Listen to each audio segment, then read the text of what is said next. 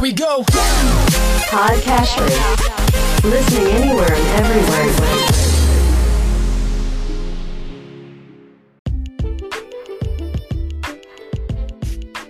Welcome to Weekly Investment Podcast bersama saya Ferdian Syahputra dari Ispring Investment Indonesia untuk Prudential Indonesia. Salah satu tantangan yang dihadapi oleh pemodal dalam berinvestasi pada saham antara lain adalah memilih saham yang baik dan prospektif sehingga dapat menghasilkan keuntungan yang optimal. Idealnya, saham yang dipilih seharusnya memiliki potensi masa depan yang cerah, yang tercermin pada pertumbuhan positif harga saham tersebut di pasar.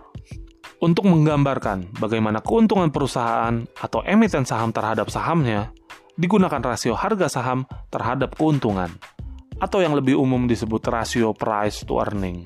Rasio price to earning dikenal sebagai salah satu indikator terpenting di pasar modal. Rasio price to earning dapat diperoleh dengan cara membagi harga saham saat ini dengan keuntungan tahunan per lembar saham. Rasio price to earning yang rendah akan lebih menarik dibandingkan dengan rasio price to earning yang tinggi. Rasio price to earning yang rendah ini disebabkan oleh laba per saham yang relatif tinggi dibandingkan dengan harga sahamnya, sehingga tingkat hasil investasinya lebih baik dan periode pengembalian modalnya lebih singkat. Rasio price to earning yang rendah merupakan salah satu pertimbangan utama di samping faktor-faktor lainnya. Sebagai gambaran, berikut ini kami paparkan suatu ilustrasi sederhana bagaimana menilai apakah suatu saham dikatakan masih menarik. Misalkan ada dua perusahaan, yaitu perusahaan ABC dan perusahaan XYZ. Harga per lembar saham perusahaan ABC yaitu sebesar Rp5.000 dengan keuntungan per lembar saham sebesar Rp100 sementara perusahaan XYZ memiliki harga per lembar saham sebesar Rp9.000 dengan keuntungan per lembar saham sebesar Rp300. Pada perusahaan ABC, pemodal membayar Rp5.000 untuk keuntungan sebesar Rp100 per lembar saham dengan rasio price to earning sebesar 50 kali.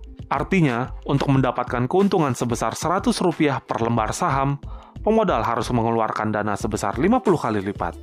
Sementara pada perusahaan XYZ, pemodal membayar Rp9.000 dengan keuntungan sebesar Rp300 per lembar saham.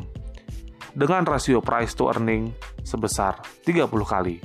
Ini berarti pemodal hanya mengeluarkan dana sebesar 30 kali lipat.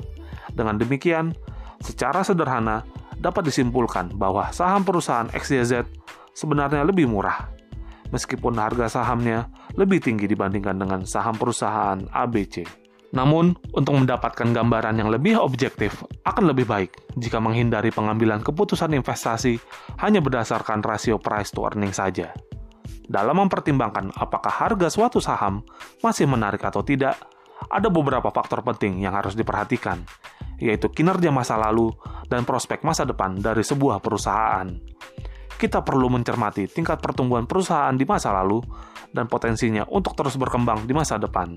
Bagi manajer investasi, penggunaan rasio price to earning adalah bagian dari mekanisme pemilihan efek saham.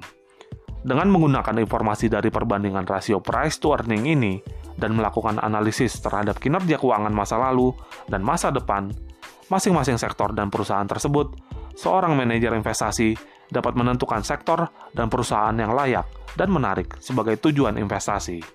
Manajer investasi masih perlu melakukan beberapa proses investasi lain, seperti proses pembentukan portofolio, melakukan mekanisme pengawasan dan evaluasi kinerja, serta menerapkan sistem kepatuhan dan manajemen risiko.